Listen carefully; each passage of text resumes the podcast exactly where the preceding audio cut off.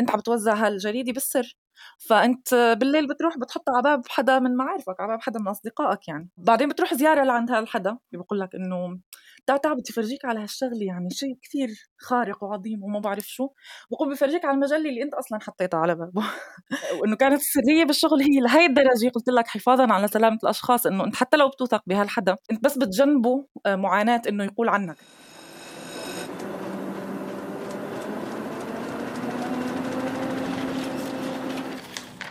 عنب بلدي. بودكاست. مملكة الصمت. لقب تلقبت فيه سوريا على مدى عقود طويلة. بلد مغلقة مسكرة محاصرة من جوا ومن برا محكومة بالحديد والنار تحت شعار المقاومة والصمود والتصدي. شعارات محقة بس تحولت لحق يراد به باطل. وبآذار 2011 انطلقت الثورة وصار في حاجة لصوت مختلف يحكي وجهة نظره باللي عم بيصير على الأرض ويحاول إنه ينقل الحقيقة. اشتغلوا سوريين بصحافة بديلة عن الإعلام المحلي المسيطر عليه من قبل النظام السوري. ومن هالسوريات يلي اشتغلوا صبية اسمها علا من السويدة أسست مع أصدقاء لها مجلة ضوضاء وتلاحقت من الأمن العسكري قبل ما تنجح بالهروب وتشتغل بالصحافة من برا سوريا. معكم حكاية جديدة بمواطن سوري من عنب بلدي بودكاست وأنا يامن المغربي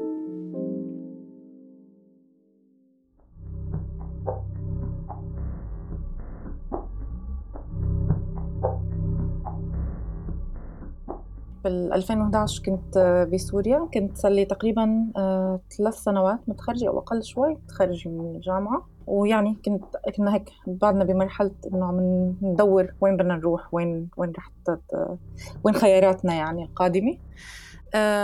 كنت بهذيك الفترة عم بشتغل مع بمجال بقطاع خاص يعني بمجال كتابة آه، الدراما. كنت عم بحاول قدر المستطاع إني أتجنب أشتغل بوظيفة رسمية بالإعلام يعني. يمكن كثار بيشاركوني كانوا هاي المشاعر بهذيك المرحلة يعني بسوريا.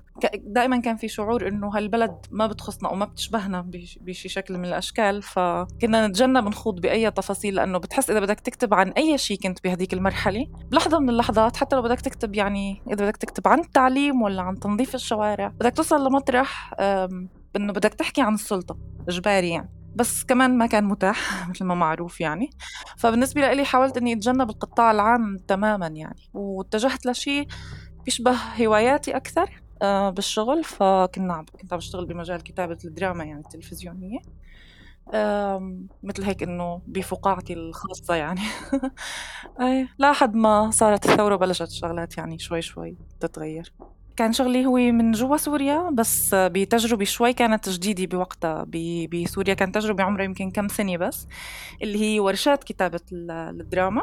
آه، الكاتب هو مش شخص فرد يعني بل يعني وهيك ورشة مجموعة من الكتاب كانوا يجتمعوا مع بعض لحتى ينجزوا عمل معين. آه كنت بهذيك الفترة عم بشتغل بورشة مركز سيناريو بجرمانة بإدارة الأستاذ محمد ملاك.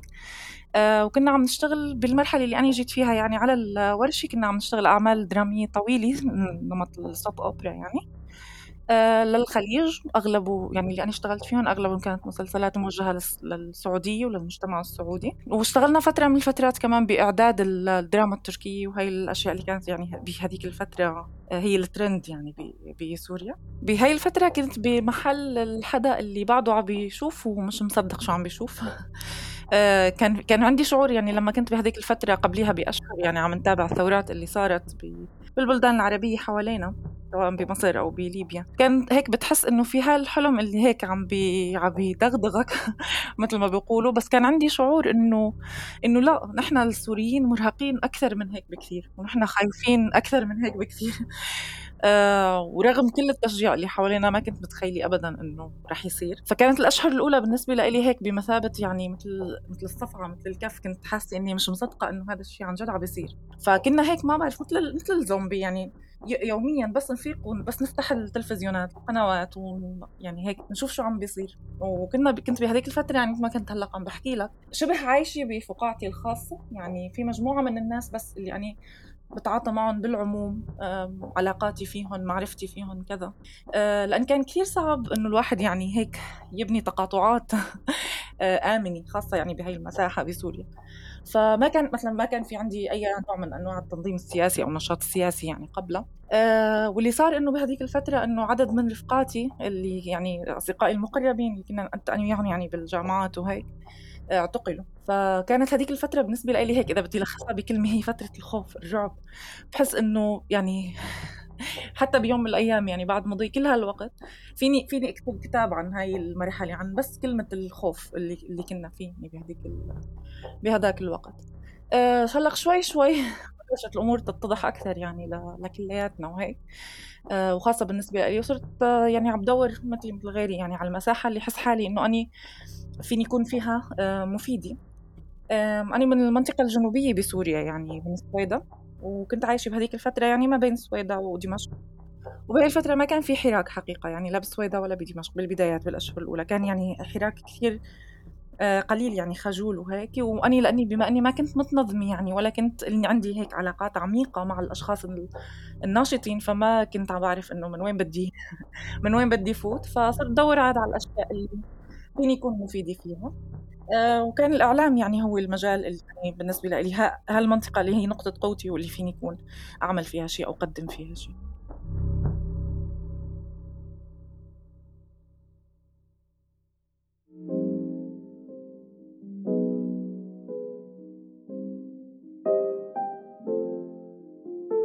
يلي كان بالشام بشباط 2011 بيقدر يتذكر كيف كان في استنفار أمني كبير بعد الثورة بتونس وبمصر خاصة مع الوقفات الاحتجاجية يلي صارت قدام السفارة الليبية بدمشق للتضامن مع الضحايا هنيك.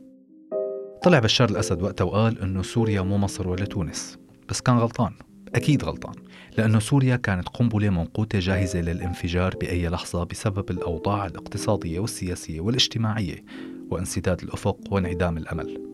ولما بلشت المظاهرات في كتير ناس حست إنه هذا البلد بلدها وبيعني لها وإنه قادرة تعمل شيء ودفعت ثمن كبير. اعتقال دم نفي وموت.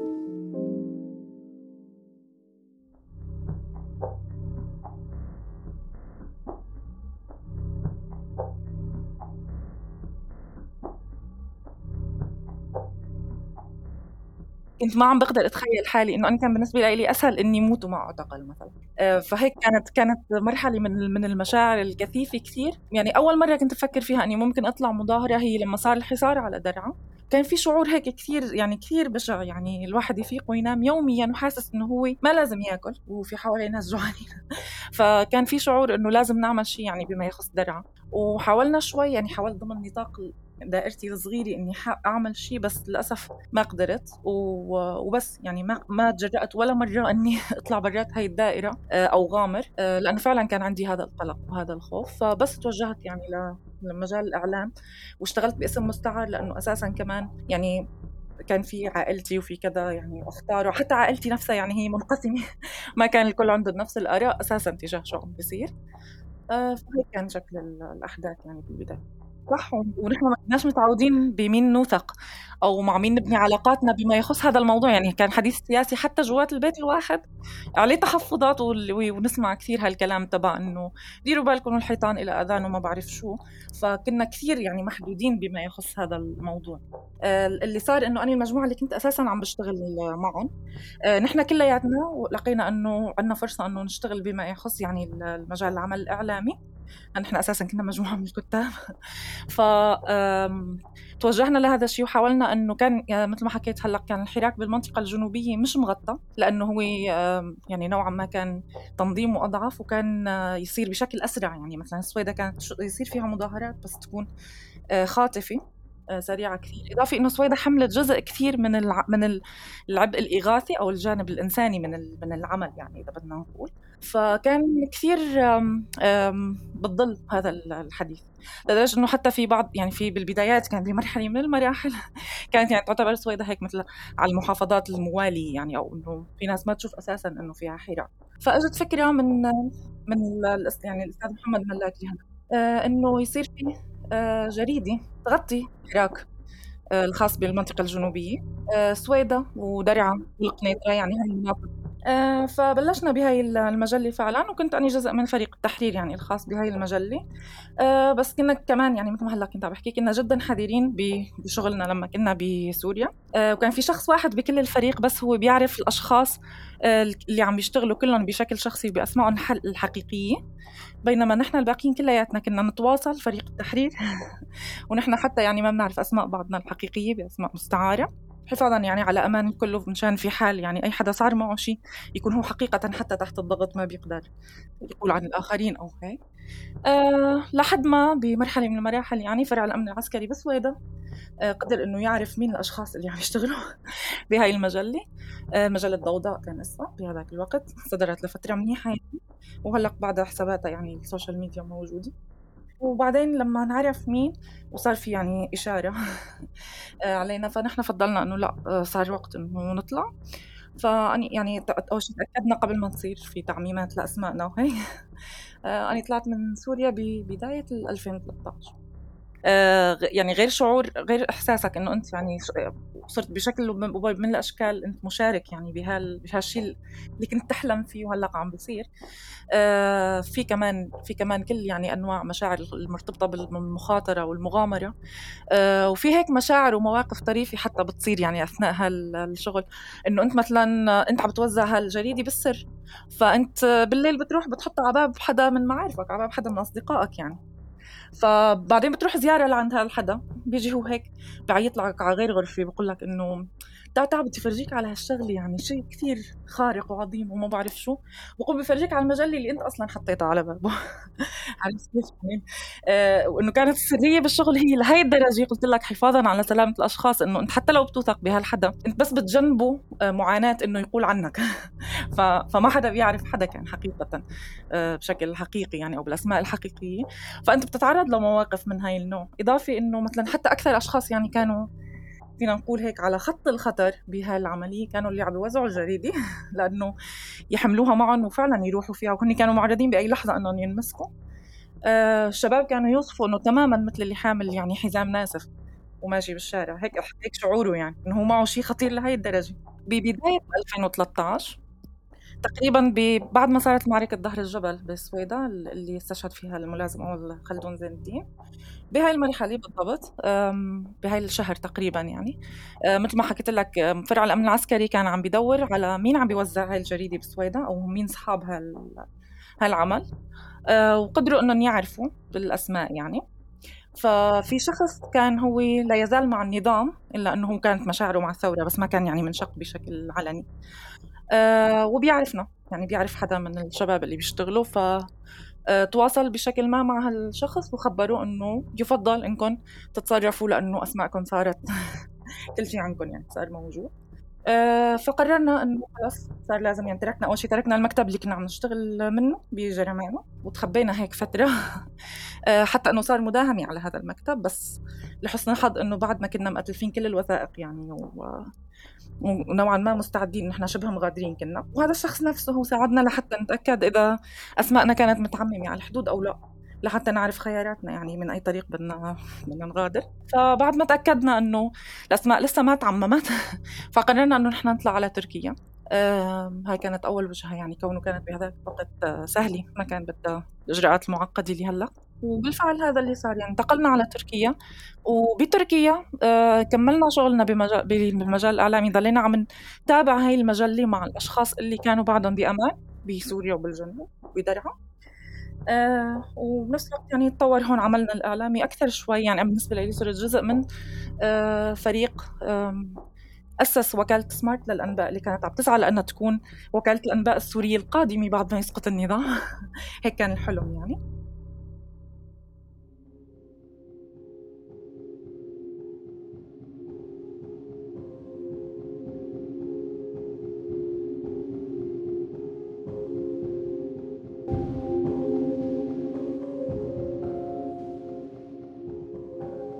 وصف المتظاهرين السلميين السوريين الإعلام السوري بالكاذب ببداية الثورة على قد ما كان يألف أخبار كاذبة.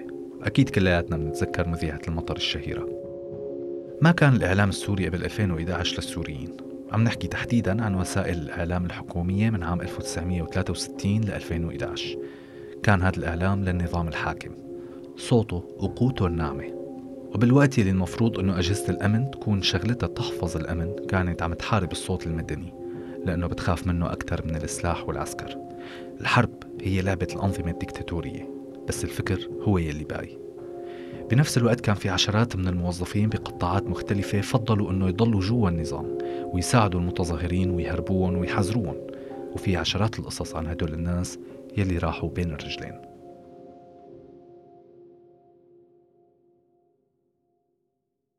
مؤسسة سمارت كبيرة كانت عم تدعم آه، مختلف أشكال الإعلام البديل. فبهذيك الفترة تعرفت على كثير مشاريع سورية يعني كانت طالعة بهذيك الفترة مشاريع آه، إعلامية ناشئة. وبنفس الوقت كمان أسسنا آه، راديو هوا سمارت اللي توقف من فترة كثير قريبة بس. كانت أول محاولة عبور لبرات سوريا هي من بيروت من على لبنان يعني. وبعدين من بيروت على بس ما قعدنا ببيروت يعني وقت أنا ما مضيت فيها وقت قعد فيها بس عبور. وبعدين على تركيا. أه لحد ما طلعنا لا. أه يعني بعدين تعمم الاسم وبعدين صار ينسأل. أه أنا شخصيا من يعني أهلي ما انسألوا أه عني بشكل مباشر بهذيك الفترة يعني. بس الأشخاص اللي كانت أسمائهم كمان موجودة انسأل عنهم أكثر من مرة يعني. بس يعني بس نجونا إنه طلعنا قبل ما تتعمم الأسماء. حتى باقي الفريق اضطروا يطلعوا تهريب من درعا على الأردن بعدين على الخط العسكري وبعدين على تركيا لأنه اللي ما لحقوا طلعوا بالبداية. كان الحقيقة صعب كثير لأنه أضف للأشياء اللي أنت ذكرتها آه إنه الأشخاص المهنيين بمجال الإعلام أو المختصين بالإعلام اللي كان ممكن يكونوا هن فرصة إنه يعني آه، أو مثل نواة إنه حتى ينبني شيء جديد مهني أكثر. كانوا كثير مفرقين يعني ما كان في ولا أي تنظيم أو ولا أي شكل من أشكال المؤسساتية اللي تجمعهم وتخليهم يشتغلوا مع بعض. فكان اعتماد الإعلام أساسا بشكل بشكل يعني مفصلي. على أشخاص آه، هن كان عندهم جرأة انهم يحملوا الكاميرا مثلا ويطلعوا عندهم جرأة انهم يمارسوا العمل الإعلامي اللي كان يفترض أنت كمهني تعمله على الأرض بس أنت مش قادر. آه، إلا إنه هن مش مؤهلين ومش مدربين ومش مهنيين. فكنت أنت بحاجة بالبداية كحدا يعني أخصائي بالإعلام إنك أنت تساعد هدول الأشخاص وتدربهم لحتى يقدروا يصيروا أكفأ ما يمكن. لحتى يقدروا ينقلوا رسالة مهنية آه، توصل فعلا لمطرح ما إنه الناس بدها رسالتها توصل أو صوتها يوصل. فكان هذا أول تحدي آه، بالبداية إنه ما كان في أشخاص مهنيين عم بيشتغلوا. فمرق فترات طويلة صار فيها يعني صار فيها خلط كثير وصار فيها أخطاء كبيرة بما يخص مجال الإعلام. خلت حتى يعني الناس أو مثلا أي حدا بيجي هيك من برا ما بيعرف شيء عن هالبلد يكون صعب عليه كثير إنه يلاقي مصادر آه، يوثق فيها لحتى ياخذ معلوماته منها. وهي وحدة من يعني وحدة من المشاكل. تمثيل الثورة إذا بدنا نقول أو إيصال صوتها يعني بشكل من الأشكال. فكان كانت بالبداية هي النقطة اللي اشت... أول أول شيء اشتغلنا عليها يعني. حاولنا قدر المستطاع فرق المراسلين أو المواطنين الصحفيين اللي كانوا بهذيك الفترة عم يغطوا على الأرض إنه نقدر نوصل لهم آه، نعطيهم على الأقل معدات تكون نوعا ما مقبولة. وندربهم على استخدامها ندربهم على إنهم ينقلوا رسالة مهنية بالحد الأدنى على الأقل من ناحية مثلا التأكد من الخبر مصادر الخبر كل هاي التفاصيل. بعدين صارت هاي الضخ اللي هن عم بيضخوا توصل لناس نوعا ما يعني عندها قدرة أكبر على أنها تصيغها وتقدمها وحتى صارت يعني تنصاغ وتتقدم صار في في شكل من أشكال التجربة اللي لا بأس بها اللي أو اللي إذا فيها بشكل من الأشكال تمثل الثورة.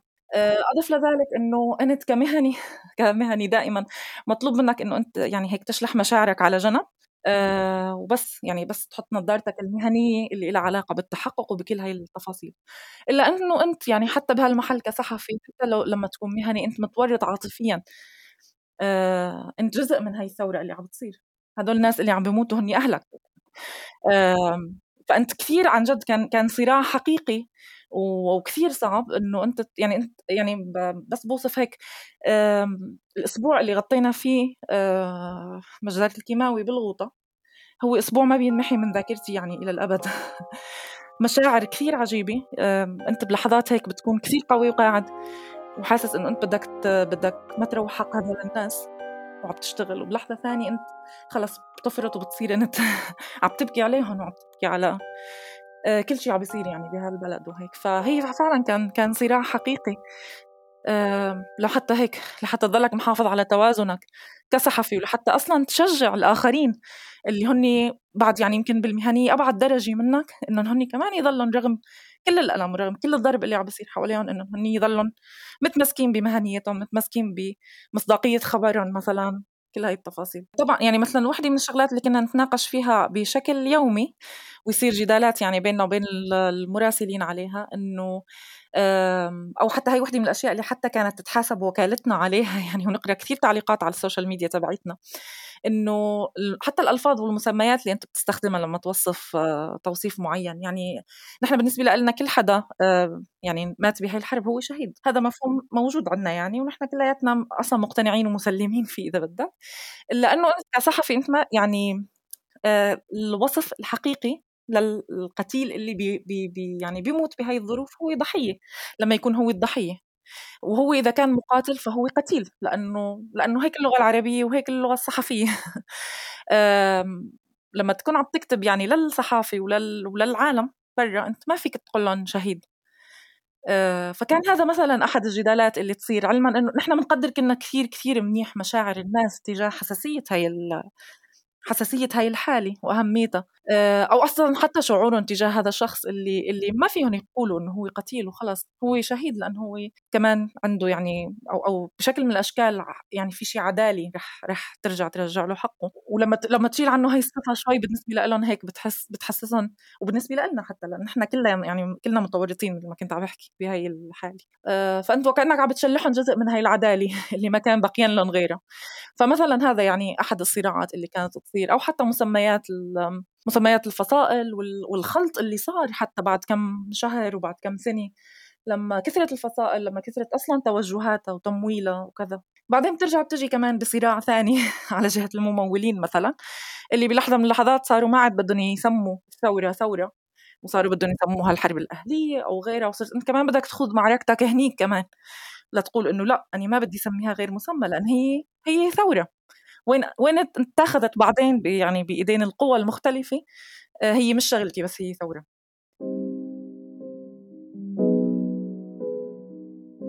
بحسب أرشيف المطبوعات السورية في أكثر من 200 صحيفة صدرت بسوريا من عام 2011 لليوم بمختلف المحافظات السورية. منها مجلة ضوضاء اللي كانت علا من مؤسسينها بالإضافة لحوالي 19 صحيفة ومجلة بالعاصمة دمشق أكثر من 30 وسيلة إعلامية بريفا. من دير الزور حوالي 15 من حمص 14 من حلب 29 من إدلب 21 من حماة 11 من الساحل السوري 5 من القنيطرة واحدة من درعا 3 من الحسكة 12 من الرقة في 10 وفي 133 وسيلة إعلام غير محددة المكان. للأسف توقف عدد كتير كبير من وسائل الإعلام هي وتعرضت لكتير ضغوطات. حتى كانت عبارة هيك بده الدونر. عبارة مشهورة بتدل على حجم تبعية بعض المؤسسات للجهات الخارجية وتحكم هي الجهات فيها بس كمان بالمقابل. هاي المؤسسات بتعمل شغلات صح وشغلات غلط وإجت بوقت صعب وحساس مع نقص كوادر. والانتقادات يلي طالتها وطالت عملها كانت ببعض الأحيان غير مبررة من قبل الناس. آه، للحقيقة أنا ما كنت من الأشخاص اللي أنا بتواصل بشكل مباشر مع الممولين بس بما أني كنت من فريق التحرير الأساسي كنت مثلا يعني مسؤولة عن قسم الأخبار ولنفرض براديو هوا سمارت فأنا كنت من الناس اللي آه، بموقع إني أتخذ قرار شو بدي أستخدم. فنحن كنا كنا على الأقل بس ننقل للإدارة فكرة إنه نحن هاي التفصيل ما بدنا نغيره حتى لو بدهم يقطعوا التمويل مثلا. آه، فأني يعني بالأسماء أكيد ما فيني أذكر. بس هلأ فيني أذكر لك حادثة كثير جديدة. آه، الصيفي الماضي آه، بأيلول بمناسبة مرور خمس سنوات على القرار اللي اتخذته أنجيلا ميركل إنها تفتح حدود ألمانيا لوجه اللاجئين. آه، قناة أم دي ال الألمانية اللي بتشتغل بولاية زاكسن يعني قررت إنها تعمل يوم تغطيه خاصة تتذكر في أحداث هذا اليوم وانطلب مني إني أعمل تقارير عن مواضيع لها علاقة بالسوريين يعني باللاجئين السوريين. الموجودين بهاي الولاية. فبتقاريري استخدمت مصطلح الثورة السورية. فبشوف إنه إحدى المحررات كانت مصلحت لي لما رحت لسجل التقرير بالراديو يعني تبع الإذاعة. آه، بكتشف إنها هي مصلحتها للحرب الأهلية. فأنا هون كمان رجعت أصريت إنه أنا ما بدي أسميها الحرب الأهلية. فهي قالت لي إنه أنت يعني ما بتشوفيها حرب أهلية. قلت لها إنه أنا ما بيهمني هي بعدين وين راحت أو كيف صارت مساراتها. هي كانت ثورة والمرحلة اللي أنا هلأ عم بحكي عنها هي ثورة فأنا ما بدي غير هاي الكلمة حتى لو بدي ألغي التقرير كله. وبالآخر لأ مش التقرير على أنها هي ثورة. فها كان من أحدث ال... من أحدث ال... الاحتكاكات يعني بما يخص أصلا كيف الناس شايفة وفاهمة أو كيف بالنسبة لها تغيرت الأشياء. آه، ضليت تسع شهور بعدين غادرت لمدة ثلاثة شهور رحت على الأردن فترة. آه، بشغل إعلامي يعني وبعدين رجعت تسع شهور ثانيات على تركيا. بهاي الفترة عاد كان عم بيستجد أشياء يعني شخصية بحياتي الخاصة صار ما عاد مناسب إني أستمر بالحياة بتركيا يعني فانتقلت على ألمانيا. هلأ أكثر شيء آه، هو فكرة إنه تركيا هي بلد مش مثالي بالنهاية. إلا أنها كانت سابقتنا كثير بأشواط يعني بكل التفاصيل. فكنا هيك نستشعر شوي من ال... إنه يكون عندي إحساس دائما إنه إنه مثلا أنا كنت يعني بقبل أنقل بسوريا نقلة صغيرة هيك إنه لتصير على الأقل مثل تركيا. لحتى نبدأ يعني على الأقل هيك مرحلة صراع على أرضية مختلفة وكذا. يعني كان دائما عندك هالشعور من المقارنة لما أنت تكون عايش ببلد وعم بتقارنها ببلدك. إنه صح بتركيا مثلا ما كانت مطلق الحريات بس إنه على الأقل مثلا كان اللي ناس يعني عندها حد أدنى من مقومات الحياة حد أدنى من الشوارع من المواصلات فهيك طول الوقت يعني أنت لما تكون بهيك مكان بتكون حاسس بنغصة غصة لأهل بلدك مثلا. انه انهم يجربوا أو يشوفوا يعني بتصير تتمنى أكثر إنه الثوره اللي ان جزء منها تنجح على أمل إنه الناس بيوم من الأيام على الأقل تعمل نقلة أو على الأقل تعيش تجربة مختلفة. بضل الأمل بضل الأمل. أنا بالنسبة لي صراحة يعني رغم كل شيء صار ما بندم ولا لحظة على الثورة وبحس إنه لو الزمن تكرر بنعيدها حتى لو نحن بنعرف النتائج لأن يعني اللي كنا فيه نحن ما كان في أسوأ منه على الإطلاق حتى اللي نحن فيه هلأ. على الأقل في أمل هلأ صار إنه يعني على الأقل هلأ بتفتح على الأخبار تبع تبع سوريا تبع النظام. بتشوف إنه في صحفي من النظام عم بيجادل الحكومة وعم بيقوم وعم بيناقش وزير. هي من أفضل ثورتنا عليهم. نحن بالنهاية بعده الأمل موجود. يعني معظم يمكن هالخلل بفهم تبع يعني بفهم تقسيم الأدوار أو وين مس... وين حدود آه، دور كل شخص يعني بالمجال الإعلامي. ممكن يكون حتى نابع من ال... من الشيء اللي هلأ حكينا عنه قبل شوي. إنه معظم اللي عم بيشتغلوا بهاي المؤسسات هن أشخاص إما ما اتيح لهم إنهم يتدربوا بشكل مهني أو تدربوا بس على يعني بس تدريبات قصيرة أو غير عميقة أو هيك. وللأسف بمرحلة من المراحل التمويل اللي كان مخصص للتدريب اللي كان عم ينصرف على العمل الإعلامي أو على تهيئة كوادر إعلامية آه، تحل محل النمط القديم. آه، للأسف تم الاستغناء عنها حتى من قبل الحكومات الدول اللي كانت عم بتمول مثلا مثل يعني أمثلة مباشرة بعرفهم بشكل دقيق مثلا كيف حكومة هولندا قطعت تمويلها وكذا آه، وصاروا عم بيحطوا التمويل بمحلات مختلفة من وجهة نظرهم كانت أولوية.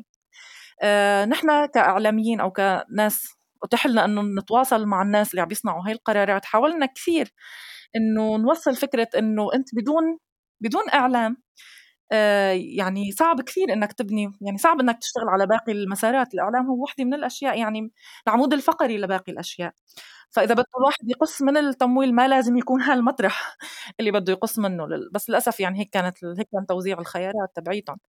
آه أنا بالنسبة لإلي كحدا بيشتغل بمجال الإعلام لا أنا بالنسبة لي عندي قناعة كثير كبيرة إنه أنت دورك إنك تخلق تيار رأي عام. بدك تعمله بمهنية بس هو جزء من من دورك. ولحتى تقدر تكون مؤثر بهالشكل. بدك تكون فعلا مهني وقادر إنك مش بس حتى تخاطب الناس اللي رايهم مثل رأيك بده يكون عندك قدرة إنك تخاطب هدوك الآخرين اللي رايهم مش مثل رأيك وتجيبهم لعندك. فبلا إنك إنت تشتغل على مجتمع مدني وإنك تشتغل على تقريب وجهات النظر أو حتى بمراحل اللي كنا مفكرينها ممكن تكون أقرب مثل مثلا عدالة انتقالية أو غيرها. إنت كثير بحاجة تأهل كوادر إعلامية قادرة تخلق هالمساحة اللي فينا نعتبرها هيك مثل كأن هي رح تكون منصة الحوار والتواصل لأن هذول الناس أكيد ما فيك تجمعهم بغرفة وتخليهم كل واحد يحكي مع الثاني أنت عم تجمعهم من خلال الإعلام من خلال وسائل التواصل الاجتماعي.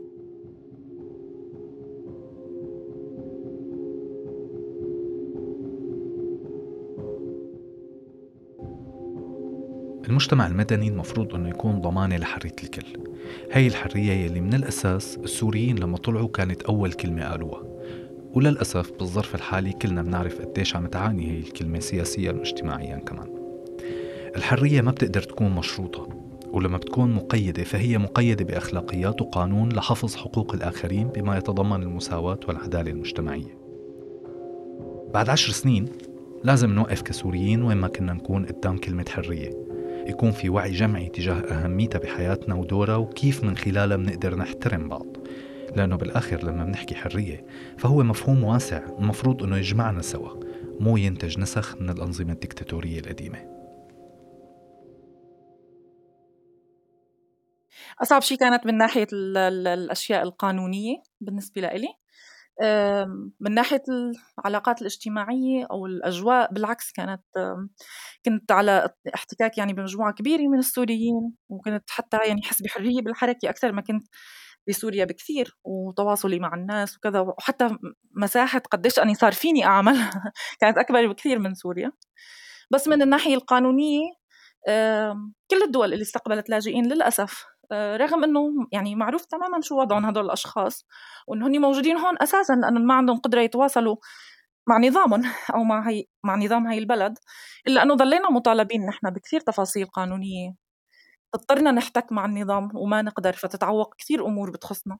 فها كان أصعب جزء حقيقة بالنسبة لي بتركيا معاملة الزواج على سبيل المثال. كان ما في مجال إنه نحن نعمل معاملة زواج بتركيا. إلا إذا جبنا أوراق من سوريا. وهذا الشيء كان مش متاح يعني لا إلي ولا لزوجي. نحن الاثنين كنا مطلوبين. فما كان في مجال نعملهم. كان الحل البديل إنه نحن نلجأ نسأل الائتلاف بهذاك الوقت اللي كان موجود يعني بغازي عنتاب مقرة. أه والائتلاف كانت صلاحياته كثير صغيرة ومحدودة يعني. بالنسبة للائتلاف لما سألناهم أه كان بالنسبة لهم قالوا لنا هيك تماما نحن فينا نثبت واقعة حدثت أو نقيدها بس نحن ما فينا نقيم واقعة. اللي بيعرف بالمجال القانوني يعني ما فيهم يزوجونا؟ إلا انه هن إذا نحن بنجيب لهم عقد إنه نحن متزوجين مثل كتاب براني أو هيك شيء يعني. فهن فيهم فيهم يقيدوا. وشو يقيدوا؟ يعني هن بحطوه بالملفات الموجودة عندهم بانتظار انهم هن يصيروا مسيطرين على شيء مدني بسوريا ولنفرض بلدية حلب ولا بلدية ما بعرف شو ويصير لهم قيود وبيانات حقيقية على الأرض. ومع ذلك نحن كان هالخيار الوحيد المتاح لنا وهالخيار اللي رحنا له لأنه هاللي كان متاح بوقتها وكثير خفنا إنه حتى يعني يرجع يسبب لنا مشاكل لبعدين. لهيك نحن قررنا نطلع من تركيا لأنه مثلا أنت بظل هذا الظرف ما فيك تجيب ولد. ما فيك تسجل ولد على اسمك فرضا. أو إذا جبت ولد ما فيك تسافر معه بعدين وهيك. يعني كل هاي التفاصيل صارت مقلقة لنا فقررنا إنه نحن نطلع قبل ما نتعرض ل تعقيدات أكبر من هيك يعني. اليوم صار لي أقل شوي من سبع سنين بألمانيا. أه وصلنا عليها بنهاية سنة 2014 ويعني أخذنا إقامة واستقرينا وهيك. فدرست اللغة فترة. أه واشتغلت فترة أه شي سنة تقريبا بمركز اسمه المركز الأوروبي لدراسات حرية الإعلام بأوروبا. أه كنت الصحفية المسؤولة عن الأشياء اللي لها علاقة باللي يعني في تقاطعات ما بين حرية الإعلام وقضايا اللاجئين أو المواضيع اللي بتغطي اللاجئين. بس بعد بعد هاي السنة يعني اللي اشتغلت فيها بهذا المركز ويعني وبسببها آه، أتيحت لي الفرصة كمان إني أروح على بعض الدول مثلا مثل اليونان آه، بالفترات اللي كانت عم بتصير فيها أصعب يعني بالفترة اللي سكر فيها الطريق البري وكانوا الناس عم بيمروا بظروف كثير صعبة. فبسبب هاي يعني كنت عم بعمل عملي الإعلامي وعم بيتاح لي كمان إني شارك مع مع جهات عم تشتغل شغل إغاثي. آه، وبعدها بفترة يعني جبت ابني و ويعني قعدت فترة الأمومة وهيك وهلأ عن جديد بس لحتى رجعت نشاطاتي شوي إنه عم بدرس وهيك آه، كمان كمان الأسابيع اللي مضيتها باليونان كانت يعني من الأسابيع اللي ما بتنمحى من الذاكرة لأنه لأنه الناس كانوا بهديك الفترة. أنا شفت الناس على مرحلتين يعني أول جولة أول شغل اشتغلته كان بعده الطريق مفتوح وكانت يعني رحت وشفت الناس اللي هلأ واصلين وحاسين إنه هني نجوا من تجربة البحر. ونجوا من الحرب وهلا عم ينكتب لهم يمكن عمر جديد فكان في كل هالتفاؤل وكل هالإحساس إنه في في فرصة لبداية جديدة يعني. فبوقتها شفت هيك وجوه ناس متفائلة وعم رغم كل اللي هي فيه عم بتحاول إنها تعمل يعني شيء جديد أو تنطلق لحياة جديدة. ورجعت رحت بعد ثلاث أسابيع تماما كان بهاي الأثناء تسكر خلص يعني تاخذ قرار آه، إغلاق الطريق البري وانحبست الناس هنيك. وبلشت شوي شوي تفقد الأمل لأنه كمان اليونان هي بلد مش مجهز لهي الكارثة عن جد الإنسانية اللي صارت. البلد هو بحد ذاته ضعيف وسكانه نفسهم يعني مواطنينه نفسهم عم بيعانوا أه وبعدين صار اللي صار فالناس كانت عن جد قاعدة بظروف لا إنسانية وكثير صعبة. فبتشوف بتشوف أنت عند الناس اللي يعني كثير بيألمك وبحس بنفسك لما تشوف حدا نجا من الحرب ومن البحر وعم بقول إنه لو فيني أرجع أو يا ريتني متت بالبحر مثلا. كثير بيعز عندك وبتصير حاسس إنك عاجز شو ممكن تعمل أو شو ممكن تساعد هدول الناس يعني. آه الشيء الشيء اللي كان لطيف نوعا ما اللي شفته هنيك هو اليونانيين نفسهم المواطنين كيف كان تعاملهم يعني. قديش كان يجي ناس يساعدوا بالكامبات كانوا مهتمين يعني أكثر يمكن من الدولة نفسها. آه طبعا بس يعني عقد ما بيقدروا كأفراد. فمش الكل كان حتى يتاح له إنه يتلقى المساعدة. آه أنا بيوم من الأيام شفت عائلة سورية صار لهم مثلا ثلاث أيام عم بيناموا قدام باب الكامب. آه ما عم بيقدروا يفوتوا عليه أساسا حتى لأنه في توقيع من الشرطة لازم ياخذوه بالأول ودورية الشرطة ما عم تجي. فكان كان هيك يعني خليط من مشاعر. وإنت بعدين بس تشوف هدول الناس وتتعرف عليهم عن قرب. وقديش هن ناس يعني مثل أي حدا بهالعالم بيستحقوا يعيشوا على الأقل بظروف أفضل من اللي هن فيها. فهيك كثير مؤلم عن جد. أو مثلا تشوف أم يعني وحدة من الأمهات فرجتني قالت لي مع كاسي من هاي الكاسات البلاستيك هاي الصغيرة اللي بنشرب فيها آه فيها شوية شامبو. إنه هدول المخصصات اللي طلعوا لي لحمم أولادي الثلاثة.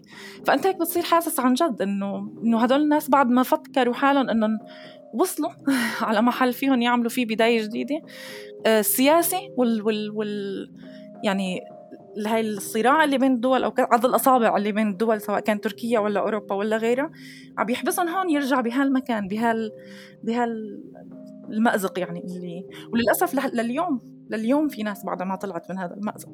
ولأنه الناس يعني الإنسان ما عم بيكون أولوية ابدا بهذا الصراع للأسف. إنه نحن بيوم من الأيام هالطريق اللي بديناه رغم كل صعوبته يوصلنا أو يوصل أولادنا على الأقل لشي مطرح يحسوا حالهم مرة ثانية إنه هني فخورين انهم أصحاب هالبلد وفيهم يرفعوا رأسهم فيها. وإنه تنفك هاي الضيقه يعني عن كل الناس يعني حتى المغترب اللي حابب يرجع.